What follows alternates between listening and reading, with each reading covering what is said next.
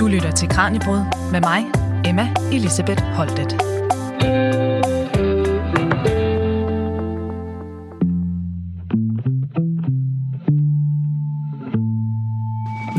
Hvad har alle afkroge af videnskaben mund til fælles? Tja, i hvert fald det, at de hele tiden udvikler sig og endda af og til støder på nybrud. Her i dagens program, der tager vi pulsen på forskningen. Vi skal derfor rundt om fire vidt forskellige felter for at høre, hvad der rører sig, og hvad forskerne selv synes er det mest fascinerende ved netop deres vidensområde. Hermed bevæger vi os nu gennem alt fra arkeologi og oldtid til medicin og behandling af HIV. Vi springer også ud i videnskabshistoriens danske superstjerne Niels Bohr, og så dykker vi også ned i social- og personlighedspsykologien. Det er nemlig blevet tid til at høre blandt andet, hvad forskerne mener er det vigtigste, der er sket inden for netop deres felt, hvad det næste store gennembrud mund bliver, og hvad de anbefaler andre dykker ned i, hvis man vil nørde videre inden for deres område. Lad os kaste os ud i det og møde vores første forsker. Velkommen her til dagens Kranjebrud. Ja, og øh, nu har vi fået arkeolog Rasmus Birk Iversen med her i studiet, der altså har sin daglige gang på øh, Moskov Museum. Og øh, Rasmus, det her det er jo et svært spørgsmål. Men hvad er det vigtigste eller sådan mest spændende eller afgørende opdagelse, der har været inden for dit fag? Og det er jo mange år, når man er arkeolog, man så kan, kan kigge tilbage, ikke? Jo, det, det er nok også et, et spørgsmål, der er, der er lidt for vanskeligt at svare på, fordi der er jo selvfølgelig enormt øh, store øh, fund sådan i verdenshistorien, øh, eller verdens, verdensarkeologien, øh, som øh, jeg faktisk ikke engang øh, rigtig kan sige, jeg har overblik over.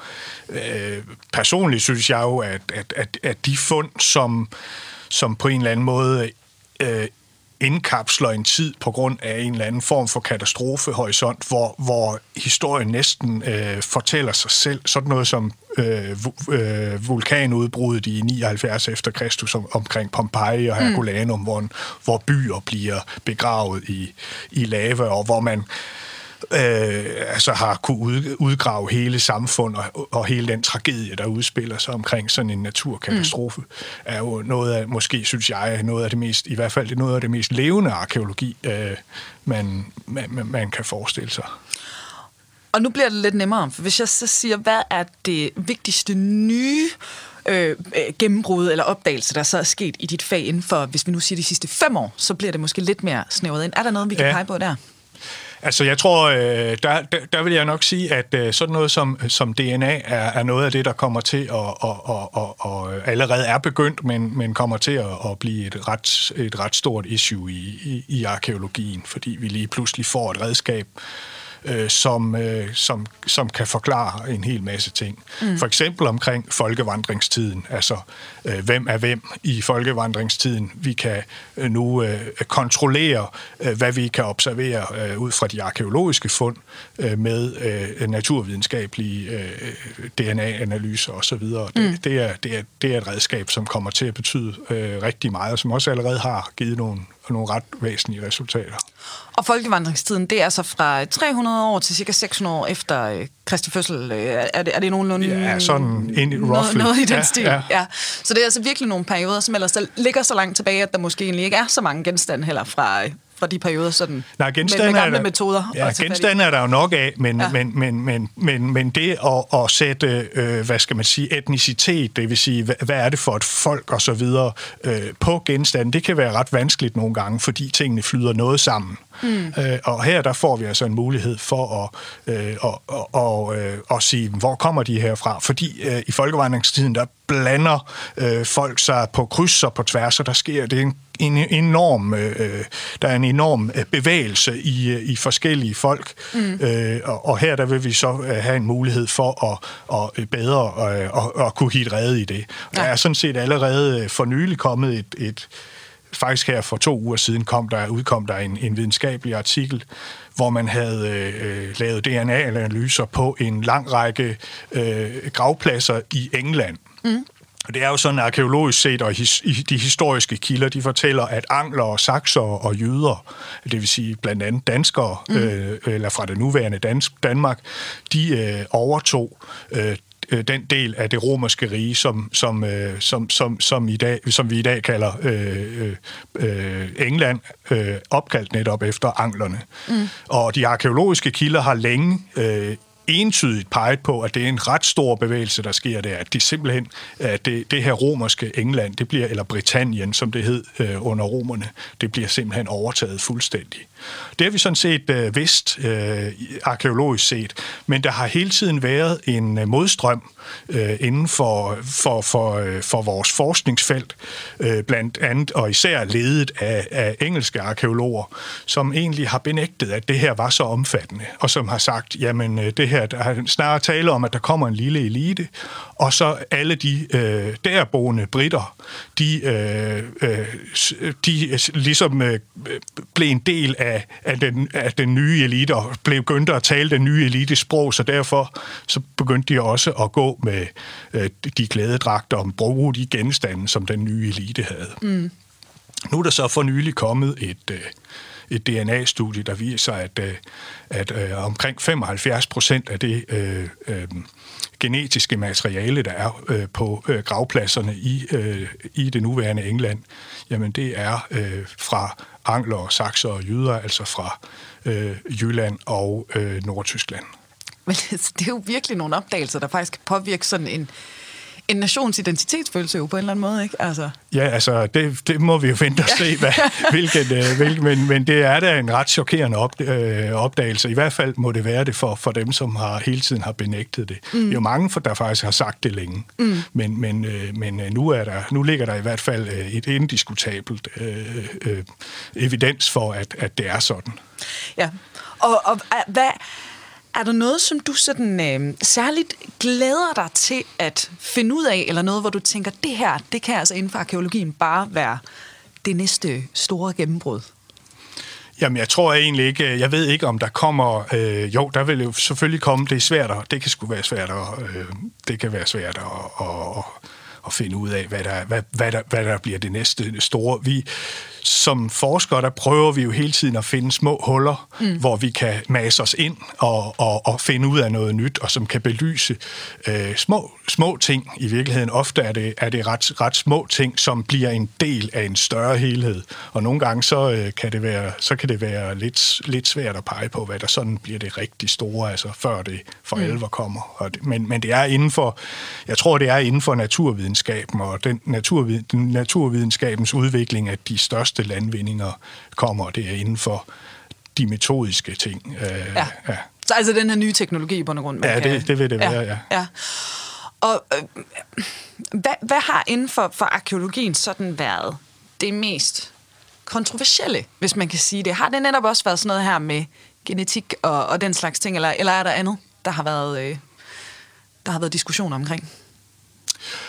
Altså, man kan, hvis man går tilbage til, til 30'erne, så øh, og det er jo også en af grundene til, at der er hele den her diskussion om, om, om, om, om etnicitet er, er, har været lidt forkædret. Mm. Øh, fordi øh, under nazismen, der blev arkeologien jo øh, stærkt misbrugt mm. af, af, af, af, af, af tyskerne øh, til at, at beskrive en verden, som, øh, øh som, som, hvor, hvor øh, den nordiske og germanske race, den tyske, øh, det tyske folk havde tidligere havde haft øh, verdensherredømmet, og som, som så var gået lidt til grunde. Faktisk de mest rabiate øh, øh, øh nazister hævdede sågar, at det klassiske Grækenland, det klassiske Romerige og alle de her klassiske store civilisationer, det var også øh, germanere, der havde etableret dem på et tidspunkt, og så øh, var der ligesom sket en eller anden form for øh, øh, raceopblanding, mm. som, havde, som havde degraderet eller, eller fornedret øh, den, øh, de kulturer og, og, og bragt dem til fald. Øh, og, og på den måde, altså denne her øh, måde at også at øh, gøre krav på land via arkeologi, det er mm. jo noget af det mest, øh, hvad skal man sige... Øh, kontroversielle, øh, og det foregår på sin vis øh, også lidt i dag, at, at, man, at man, man bruger arkeologien til at, at, at beskrive øh, sin egen historie og sin egen øh, storhed, øh, mm.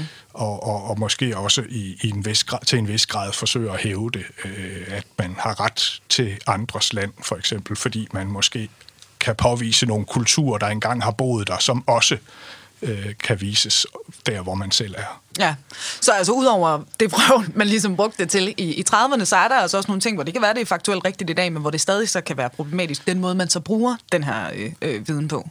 Ja, fordi altså, man kan jo sige, at de nationer, vi har jo, i dag, er jo konstruktioner, som er opstået ja. i 1800-tallet, mm. og, og det, der skal man ikke bruge arkeologi til at påstå, at man har ret til noget. Hvad, hvad vil der ikke ske, hvis øh, Danmark pludselig ville øh, have Skåne, Halland, Blikkinge tilbage, måske Norge, måske dele af Nordtyskland, måske endda England, England, ikke? Ja. fordi at vikingerne engang har rumsteret derovre. Mm. Det, det giver jo simpelthen ikke mening. Og er der så egentlig en, en, en risiko for, hvis man kan sige det sådan, at, øh, at netop den her frygt for, at det bliver brugt på en forkert måde, at det så egentlig også bremser nogle af de fund, man egentlig kunne gøre igennem den her øh, øh, nye teknologi? Eller tror du ligesom, man springer ud i det øh, alligevel? Jeg tror, der vil være, der er en tøven over for, for, ja. for, for det. det. Det er der ingen tvivl om, at, at der er. Ja. Øh, og, og der er måske også, arkeologer har måske også for længe overladt det til øh, naturvidenskabsfolkene selv at, at arbejde med det her. Øh, og dermed måske også øh, lidt forpasset en chance for øh, at få stillet de øh, centrale øh, spørgsmål ud fra en arkeologisk synsvinkel, mm. og også måske også at være med til at besvare øh, de, eller og give, måske give de rigtige svar på de her øh, øh, resultater, som naturvidenskaben folkene kommer med, men som de ikke nødvendigvis forstår. Altså, hvad, det tror jeg lige, jeg skal forstå. Hvad kunne det være, en arkeolog ville spørge om, som en, en naturvidenskaber ikke ville tænke på? Jamen, der har arkeologerne jo det her øh, dybe indblik i, øh, i, i de her kulturgrupperinger, de her øh, øh, arkeologiske, øh, alle de her fund, øh, som, som, som kan gøre, at de kan sætte tingene i en bedre sammenhæng i forhold til øh, det rent sådan naturvidenskabelige resultat. Ja. Øh, altså, de kan måske komme og sige, jamen den og den kommer herover fra den her region. Men det kan være, at, at, at vi kan bidrage til at forklare, jamen, hvordan kan det være, at mm. det er sådan øh, i stedet for at, at det måske nogle gange bliver sådan meget forenklede øh, øh, problemstillinger, øh, som kommer ud af det, eller svar på problemstillinger, der kommer ud af det, fordi at øh, det trods, trods alt ikke er naturvidenskabsfolkenes boldgade, mm. øh, de bevæger sig, øh, bevæger sig rundt i. Ja. Og, øh, og Rasmus, her til sidst, altså hvis der nu sidder nogle lyttere derude og øh, tænker, at de gerne lige vil høre arkeologens bud på, hvad du egentlig synes, der er det, der er det mest spændende. Hvad vil du så anbefale? Altså sådan helt personligt, hvad synes du er det fedeste at dykke ned i inden for arkeologien, hvis man skal nørde videre? Jamen altså, jeg er jo øh, specialist i øh, jernalder, og øh, jeg synes, at øh, den romerske periode og øh, især folkevandringstiden er det mest spændende, og det kan man også angribe øh, gennem historiebøger. Det er ikke kun arkeologi, men der er, mm. også en, der er jo også en, en helt utrolig øh, mængde af virkelig fascinerende øh, anekdoter øh, og historier, der, der er nedskrevet øh, fra den periode. Hvad er din yndlings? Uh, min yndlings, det er nok i virkeligheden historien om en, uh, men det er en lidt længere historie, men den handler om en, uh, en kvinde, der hedder Galla Placidia, og som er datter af den vestromerske kejser. Uh, og som uh, i, uh, i 410, da goderne herrer Rom, der bliver hun deres gissel. Og øh, goderne, de slæber hende så afsted til Sydfrankrig. Og i 414, der er deres, øh, deres konge, Ataulf, han gifter sig med hende. Okay. Og det er en kæmpe skandale i det romerske rige. Øh, det altså, at en barbar gifter sig med en, øh, en, en romersk prinsesse, det er fuldstændig vildt og uhørt. Og øh, de får sågar et barn sammen. Øh, barnet barnet ville blive øh, aftager til det romerske rige, øh, faktisk, fordi den siddende kejser har ingen børn, og får det heller ikke. Mm. Og man ved, at han ikke vil få det. Øh, men øh, barnet dør, og året efter dør øh, kongen Ataulf også. Og så vender Galla Placidia tilbage. Hun bliver sendt tilbage til romerne, bliver gift med en general, som så siden bliver kejser. Og da han dør, så bliver hun sådan set selv regent over romeriet. Ikke kejser, det hedder det ikke, når det er en kvinde. Det kunne ikke, det kunne ikke forekomme. Nej. Men hun bliver regent for sin søn, som hun har fået med denne her romerske general siden kejser. Og, øhm, og øh, i 12 år, der er det faktisk hende, der sidder på magten i det vestromerske rige, og mens øh, verden kollapser rundt om hende, så er, er, er hun sådan set en af, en af dem, der sidder med det sidste ansvar. Øh, hendes datter, hun sender på et tidspunkt et brev til hun og kongen Attila, og øh, hun vil gifte sig med ham, hvis han kommer og henter hende. Og øh, Attila, han vil gerne gifte sig med hende, fordi øh, så får han også adgang til Romeriet og bliver øh, kommer i, ind i arvefølgen til Romeriet, mm. hvis han får børn med hende. Øh, så han dukker jo op i Norditalien og vil kræve hende udleveret, men får hende ikke. Og man hører så i øvrigt aldrig mere øh, noget til den her datter, så hvad der egentlig sker med hende, øh, det, det ved vi ikke. Placidia, som vi hørte om før, mm. hun har får også to børnebørn, Øh, eller øh, hendes, hendes søn, øh, ja, gennem hendes øh, søn, for, som får to døtre, og de bliver begge to, da vandalerne erobrer Rom i 455, øh, 45 år efter goderne, så slæber de afsted med de her to døtre, okay. og øh, de ender så, den ene af dem ender så med at blive gift med Vandaler, øh, kongens øh, søn, og føder ham en arving. Og øh, den anden ender faktisk med kortvarigt at være gift med en øh, øh, romersk øh, kejser, øh, som kun er kejser et, et lille års tid. Så på den måde, så, så slutter ringen for Placidia. Ja. Hele hendes historie, den, den bliver sådan set gentaget igen øh, her øh, med, gennem børnebørnene. Så den, det er lidt sjovt, synes jeg. Ja, jamen altså, øh, Game of Thrones Go Home. Ja. Virkeligheden er jo, er jo bedre, så det er jo en fantastisk fortælling at, øh, at kunne dykke ned i. Tak for anbefalingen, og øh, tak fordi du ville svare på vores spørgsmål, Rasmus. Jamen, det var slet. Du lytter til Radio 4. Fortalte her arkeolog Rasmus Birk Iversen fra Moskov Museum. Og til nye lyttere, her i Kranjebrud, dit daglige videnskabsprogram, der skal vi rundt om fire vidt forskellige fag, for at høre, hvad det er, der rører sig, og hvad forskerne selv synes er det mest fascinerende ved netop deres vidensområde. Og fra oldtiden, der skal vi nu videre til den moderne lægevidenskab, for den her gang, der er det professor ved Institut for Klinisk Medicins afdeling for infektionssygdomme på Aarhus Universitet, Ole Smelts Søgaard, der forsker i en af de sygdomme, hvor behandlingen virkelig har rykket sig inden for de senere år. Og det er min kollega Maja Jensen, der stiller spørgsmålene.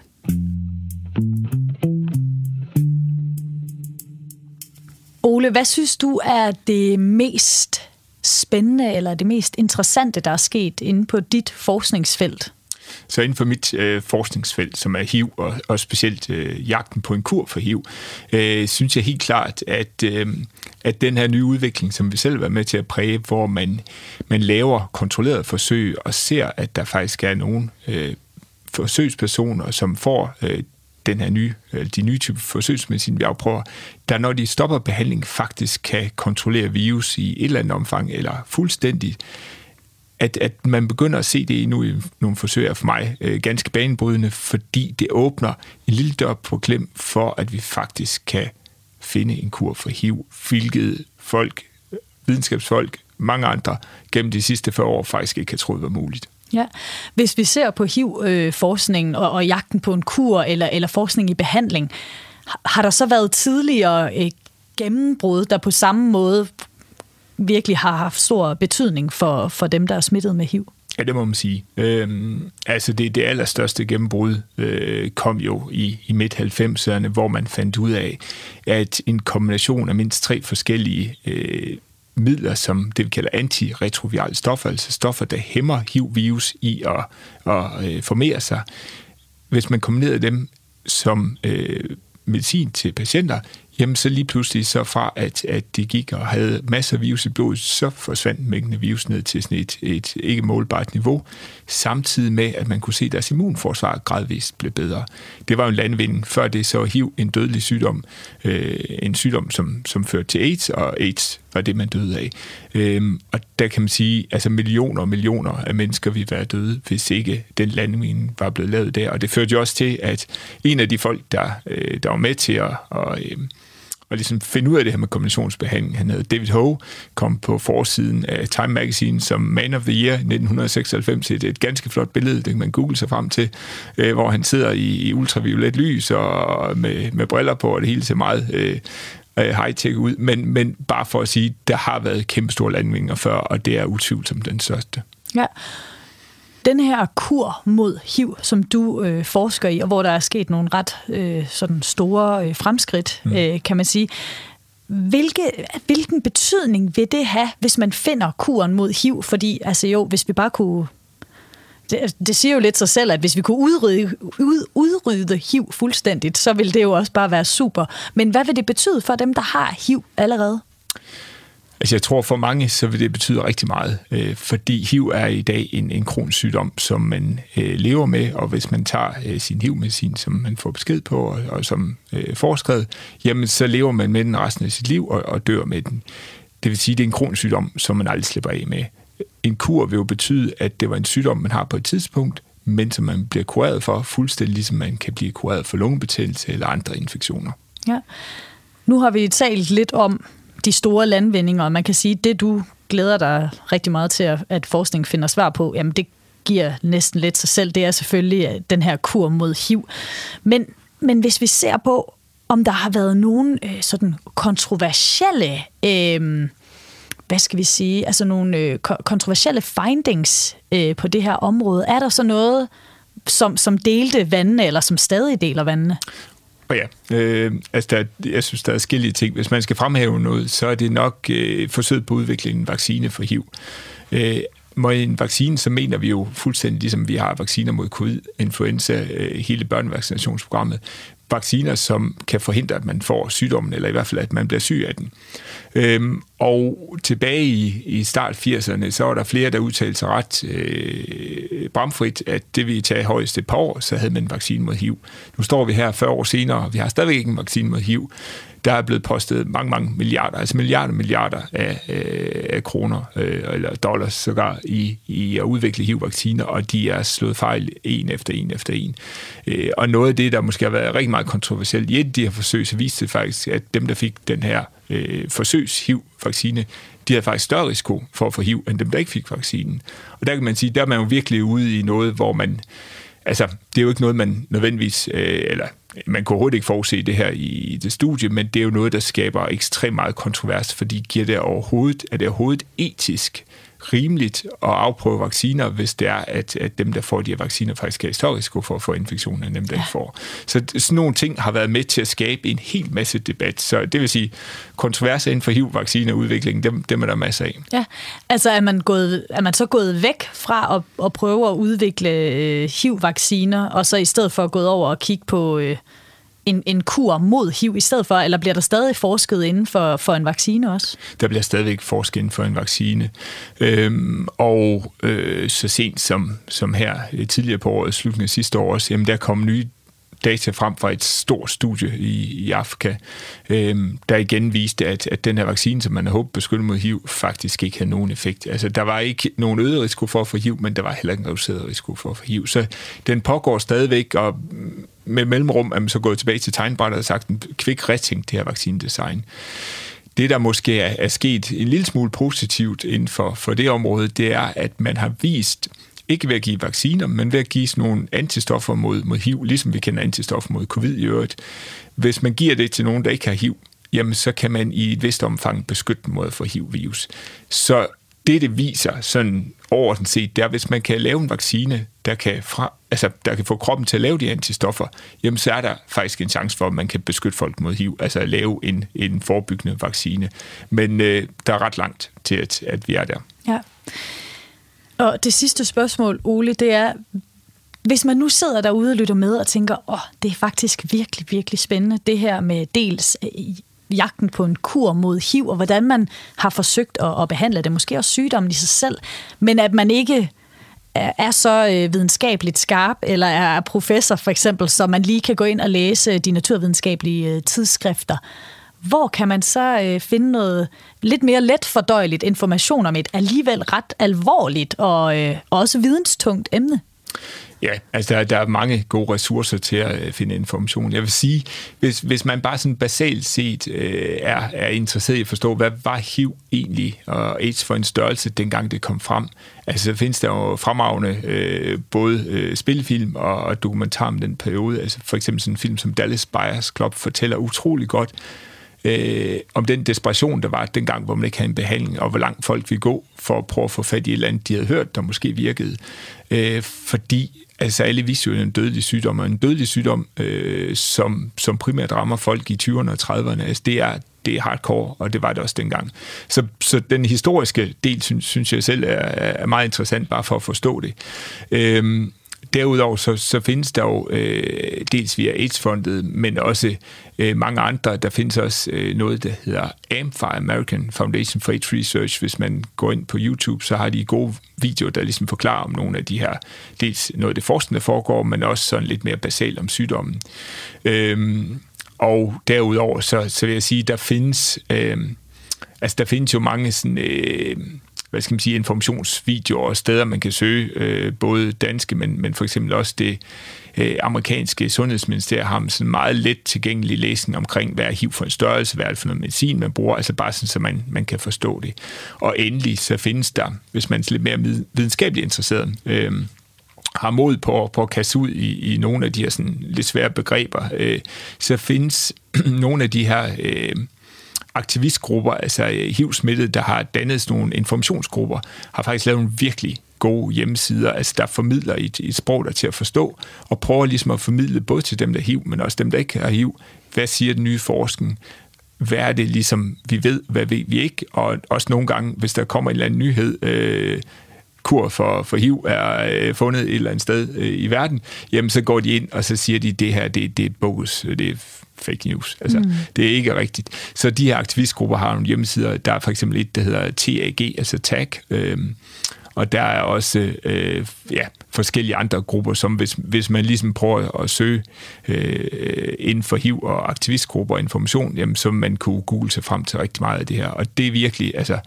jeg synes, de gør et fantastisk stykke arbejde, de her grupper, for ligesom at formidle, sådan så, så folk, der ikke har en tung videnskabelig baggrund bagved sig, faktisk kan forstå, hvad det er, der foregår. Ja, så hvis du, der lytter med derude, har lyst til at vide mere om jagten på en kur, behandling, eller få et mere øh, et tidsvarende billede af, hvordan det rent faktisk var at være, være HIV-smittet øh, i, i 80'erne i USA, så er der altså lidt forskellige øh, bud til dig. Men Ole, tusind tak, fordi du havde lyst til at svare på tre skarpe til forskningen. Selv tak mig.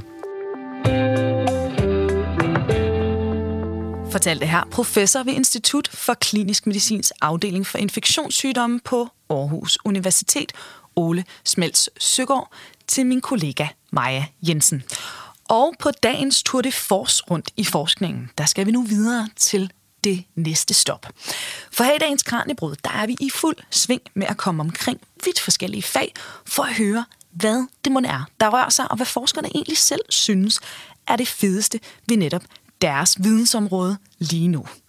Og nu skal vi møde Christian Joas. Christian er en af vores mest markante videnskabshistorikere.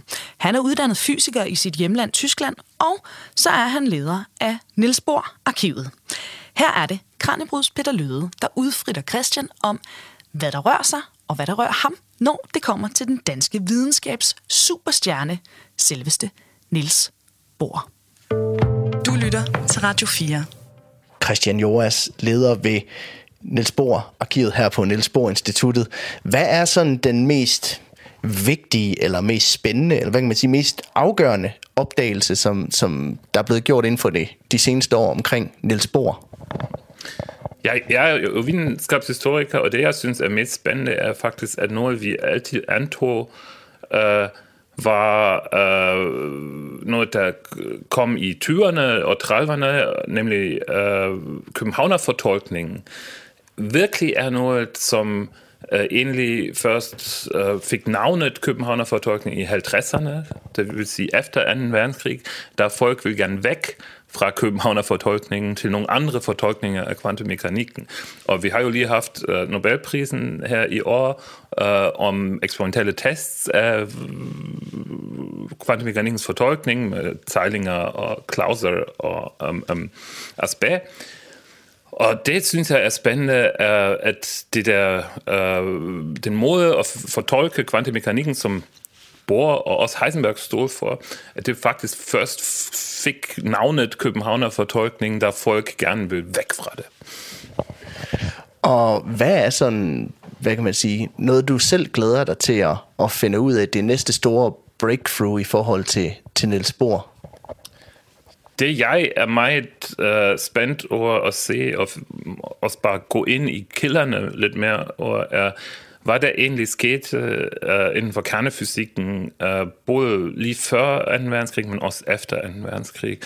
Um, Niels Bohr var jo meget involveret i kernefysikken, uh, og uh, der, der opstod rigtig spændende nye ting omkring 1900 50, 55 inden for kernefysikken, og jeg vil meget gerne forstå, hvad hans egen rolle var i det, hvad hans søns overbrors rolle var i det, og øh, øh, rollen af nogle af deres kollegaer, for eksempel Vicky Weisskopf, øh, men også Ben Mortelson og så videre. Så det er meget spændende for mig at se, og det er ikke noget, der virkelig har været udforsket indtil nu. Hvorfor er det spændende at, at finde ud af? Først og fremmest er det meget spændende at finde ud af, om Niels Bohr stadigvæk var involveret i den grad, som han var før 2. verdenskrig i den fysiske forskning, og det er et åbent spørgsmål på en måde. Folk siger, fordi han ikke offentliggjorde det rigtig meget efter 2. verdenskrig inden for fysikken, at han, ja, han var ikke rigtig med i den fysiske forskning længere, men det er jeg faktisk uenig med, efter det, jeg har set. Um, men det er også meget spændende, fordi en virkelig ny perspektiv på Physik ist sehr komplexe, komplekse Systeme in for fysikken opstod lige præcis uh, i, i de tidligere øh, 50'erne. Og um, det er meget spændende at se, i hvilken grad Niels Bohr var involveret, og i hvilken grad han måske overlod det til hans søn. Så det handler også om at finde ud af, hvor meget han har givet stafetten videre på en eller anden måde, og hvor meget han selv på en eller anden måde havde, havde fingeren med i spillet stadigvæk. Det er lige præcis det, vil jeg sige. Um, og det, det er jo klart, han var jo uh, den um, æderkoppen i midten af øh, nettet, ikke? Så, så han, han havde jo kontakter til hele verden, han har jo lige været i USA, deltog i Manhattan-projektet osv. Han var jo den, som prøvede for eksempel også at få CERN, øh, som nu er i Genève, til København. Um, det lykkedes ikke, men så var der anstrengelser at få noget stort til København, og både den institutionelle side, og det lykkedes jo på en måde, de fik CERN Theory Group og senere Nordita og så videre, men også på den intellektuelle side. Hvordan lykkedes det, at, at København forbliver på det intellektuelle verdenskort inden for fysikken? Og nu har du jo kigget på, øh, på Niels Bohrs liv og videnskab og historie igennem øh, en del år efterhånden. Hvad er det, mest kontroversielle, du har fundet frem til i, i arkiverne? Det er et meget spændende spørgsmål. Um, selvfølgelig, det alle ved om, som stadigvæk er super kontroversiel, er mødet med Heisenberg i 1941, da Heisenberg kom her under krigstiden, og de snakker stort set om atombomber, men indholdet er uklart, og vi har jo nogle kilder om det, men de er jo fra 10-15 år senere. Og som historiker ved man jo godt, at det er allerede svært at stole på det folk beretter om, hvis de beretter om det lige efter det er sket, og så det er næsten umuligt at stole på noget, de er kommet med øh, 10-15 år senere. Så det er selvfølgelig det mest kontroversielle, vil jeg sige, omkring uh, Niels Bohr, men der findes selvfølgelig andre spændende ting, um, for eksempel om hans uh, uh, rolle i fordolkningen af kvantemekanikken mellem Einstein Heisenberg og ham, og det jeg synes for eksempel er meget spændende, og der findes nogle folk, der gør rigtig godt arbejde om det, er at um, Niels Bohr og Heisenberg ikke var virkelig stemte overens i det. Selv om Heisenberg tit uh, læs, som om de, de var 100% uh, enige om fortolkning, og det er meget spændende, og der kommer vi at forske om uh, i løbet af næste stykke tid. Og så kunne jeg godt tænke mig at høre til sidst, vil du, vil du anbefale, at man kaster sig over og, og lære mere om Niels Bohr og, og hele hans, hans videnskabsfelt? Helt sikkert. Jeg synes, det er meget fascinerende.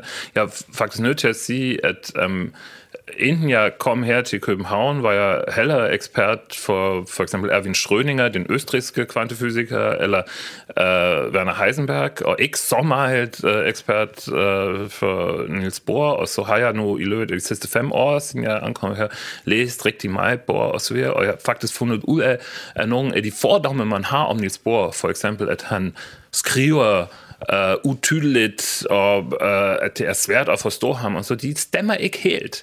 Selvfølgelig, det er, de har, det er noget sandt i dem, men faktisk, hvis man bruger lidt mere energi på at forstå, hvad han har lavet, så bliver det endnu mere overbevisende, det har han lavet, og det synes jeg er meget godt, og derfor anbefaler jeg alle øh, beskæftiger lidt mere med Niels Bohr.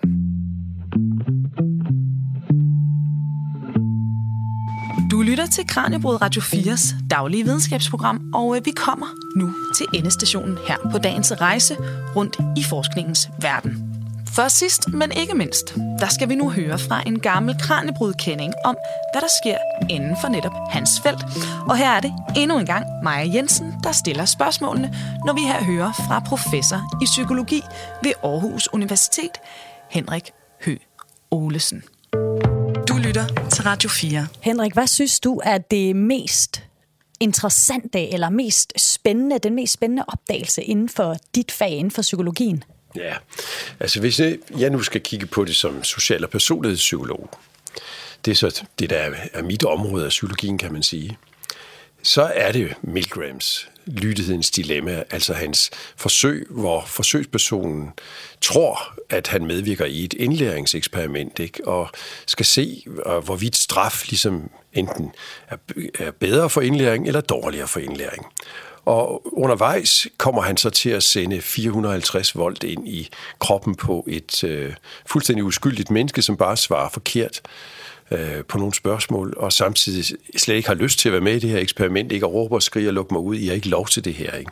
Og alligevel så går 65 procent af os mænd som kvinder verden over, for det er lavet mange forskellige steder. Ikke? Vi går planken ud og sender øh, 450 øh, volt, ikke, som er dødelig, ind i kroppen på en uskyldig anden. Ikke? Fordi en venlig mand i en hvid kittel på baggrund af en institution, Yale Universitys autoritet, ligesom bringer folk i stand til at lystre så meget. Det er så fantastisk godt virtuos gennemført. Ikke? Altså det, det her eksperiment udløser en slags eksistentiel realitet. Ikke? Og det er jo også det, der har gjort, at man har haft etiske overvejelser over det senere hen. Ikke? Fordi de her mennesker, for dem bliver det altså så virkeligt. Og nogle gange så kan vi jo beklage, øh, altså eksperimentet er det mindst ringe måde, vi, vi ligesom har til at få viden på, hvad jeg mener, ikke? men man kan jo med retten nogle gange sige, at eksperimenter i scenen sætter nogle meget kunstige, livsfjerne situationer, og, og hvordan kan vi så generalisere for den her kunstige laboratoriesituation og så til den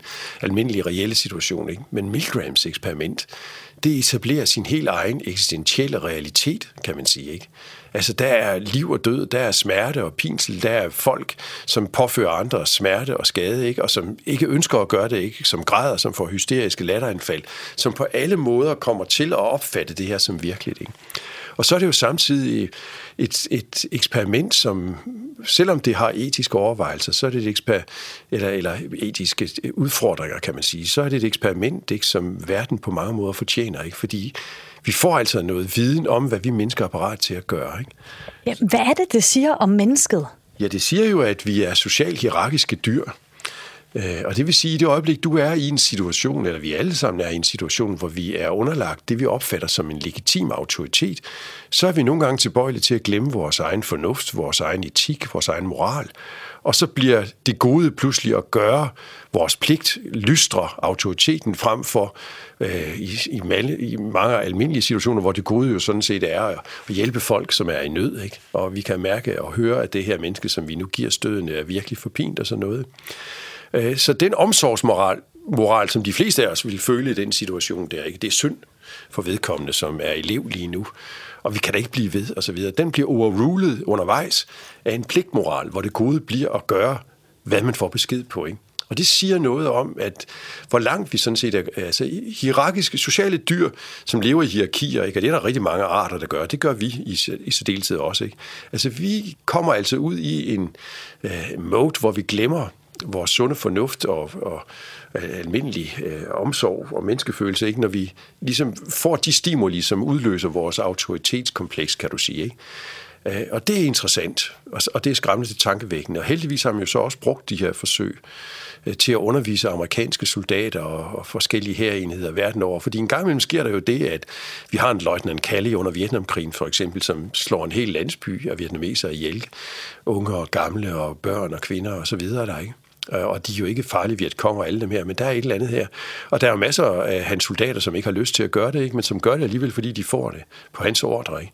Så nogle gange, så vi skal jo gøre, ikke mindst når vi er i hæren, så skal vi jo lystre en autoritet, ikke? Og, og vores samfund hænger jo sammen med, at vi på en, i en eller anden udstrækning har respekt øh, for autoriteter. Ikke? Og det her øh, forsøg viser så, øh, hvor lette ofre vi bliver for en legitim autoritet, ikke? og at vi nogle gange skal stoppe op, inden vi går planken ud, og tænke os om, ikke? at det her nu egentlig, selvom vi får besked på det, er det så det egentlig det rigtige at gøre det her. Ikke? Så jeg synes, at det eksperiment sætter så mange interessante diskussioner i gang, ikke? og frem for alt fremmaner det en, en virkelighed, som er enormt relevant for, for os som, som mennesker, og selvfølgelig også for os som psykologer. Ikke? Og hvornår siger du, at det her eksperiment er fra? Det er fra 60'erne. Det bliver, de første øh, forsøg af dem bliver lavet i, i 61, ikke? og så bliver de lavet op igennem 60'erne, og jeg tror, vi holder op med for alvor at lave dem i, i slutningen af, af 80'erne.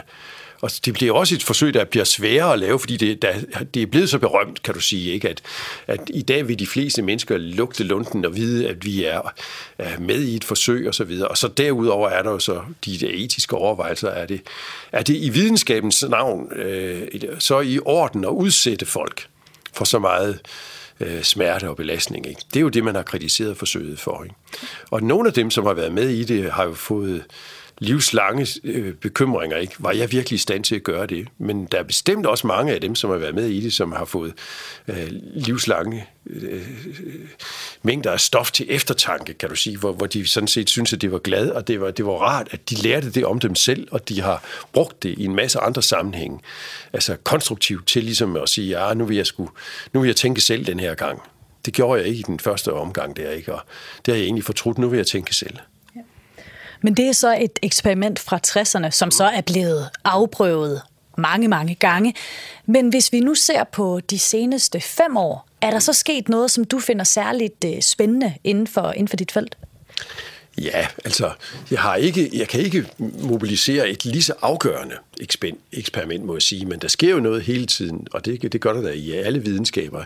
Og når man selv er øh, sådan centralt placeret inden for en bestemt del af verden, for min dels vedkommende er det, ud over social- og personlighedspsykologien, så er det det, man kalder evolutionspsykologien, hvor vi øh, forsøger at forstå, hvad der ligesom er altså hvordan menneskevæsenets forskellige ingredienser, bestanddele, drivkræfter osv., hvordan de ligesom har en funktionel udviklingshistorie, ikke? at der er blevet selekteret for dem i en eller anden udstrækning. Og også hvordan at disse ting så kan spænde ben for en moderne virkelighed. Ikke?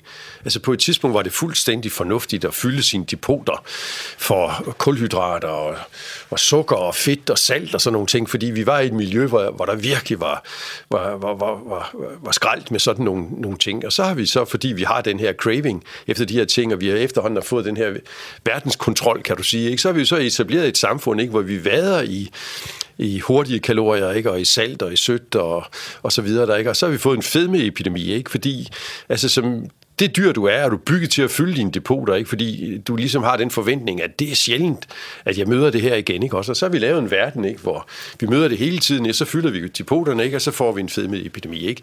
Så, så alle de her medfødte programmer og tilbøjeligheder og sensibiliteter og alle de her nøglestimuli, som vi bliver kivet af, ligesom andre dyr. Hver art har ligesom sine nøglestimuli. Det område, synes jeg, er enormt sjovt og interessant, og der sker hele tiden noget. Der lærer vi hele tiden noget nyt om de her ting. Ikke? Altså sådan noget som evolutionspsykologi, der kan jeg jo så godt tænke, jamen er vi ikke snart, har vi ikke snart lært alt, hvad der er at lære om, om mennesket og menneskets udvikling? Jo. Vi har jo haft mange år til at tænke over det efterhånden. Ja, jamen det, det har du sådan set ret i. Det, det, det, det spørgsmål kunne man jo godt stille.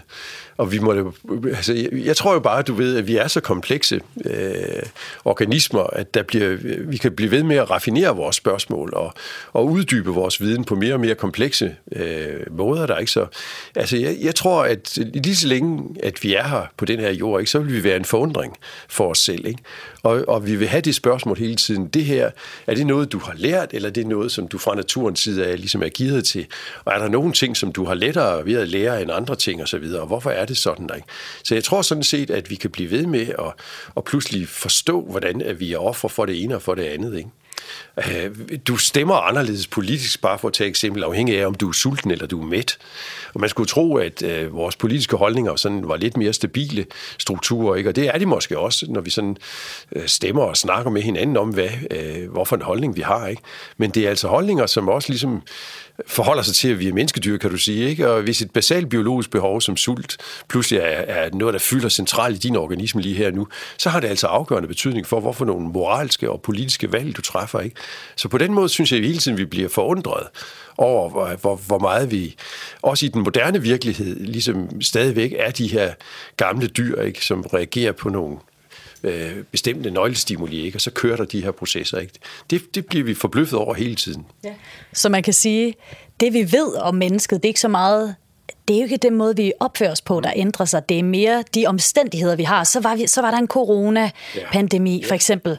Så kunne vi lige pludselig se, hvordan vi blev udfordret af nogle ret basale ting. Så det handler egentlig mere om de ydre faktorer, ja. som er lidt spændende at kigge ja. på som evolutionspsykolog. Ja, og så sker der jo hele tiden en evolution. Det må vi også øh, huske på. Ikke? Og der er, øh, den her forskning har også rækket ind i noget, som hedder epigenetik, ikke? hvor vi, den, vi, vi, når vi nu ligesom har en, en, en, en god viden om øh, vores genetiske beredskab og, og udrustning osv., så, videre, så pludselig får også nogle viden om, hvordan at øh, miljøomstændigheder tænder og slukker for forstemte gengrupper og så videre. Altså noget, som vi sådan set troede var løgn. Ikke? Altså hvis, hvis du sender en mand på barsel for eksempel, ikke, så øh, rasler han ned i testosteron, ikke?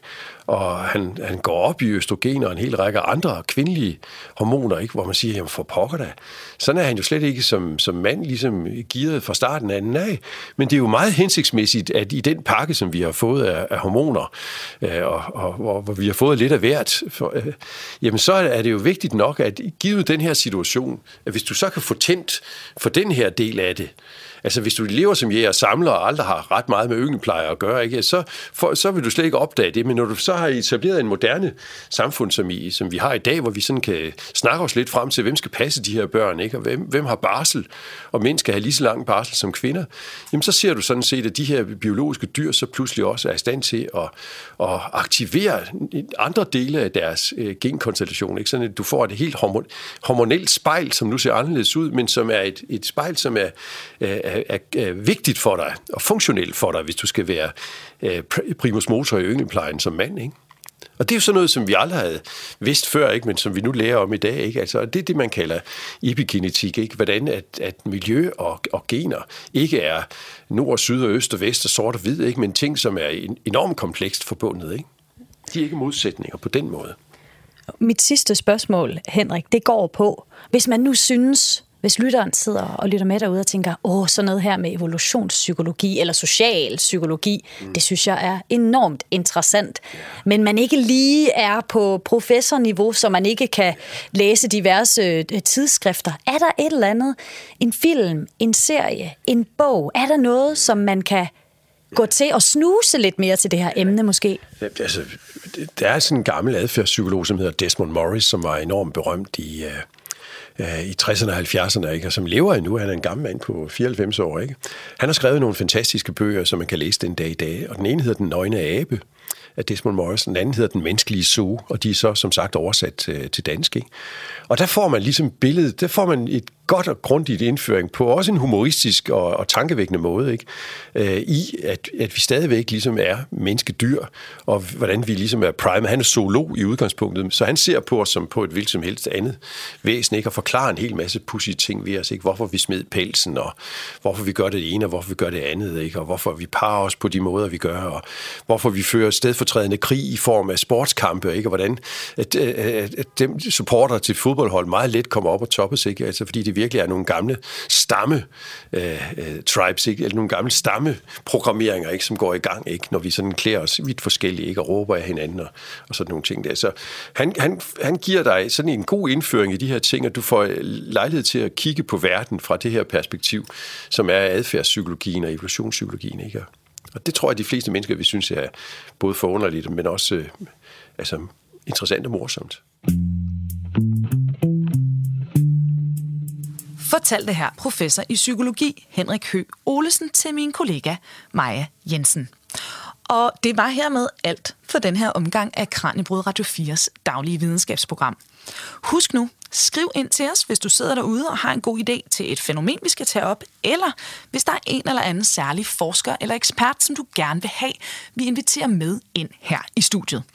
Og du skriver som altid bare til os på kranjebrud 4dk nu er der ikke andet tilbage end at sige farvel. Mit navn er Emma Elisabeth Holtet. Tak fordi du lytter med, og på genhør.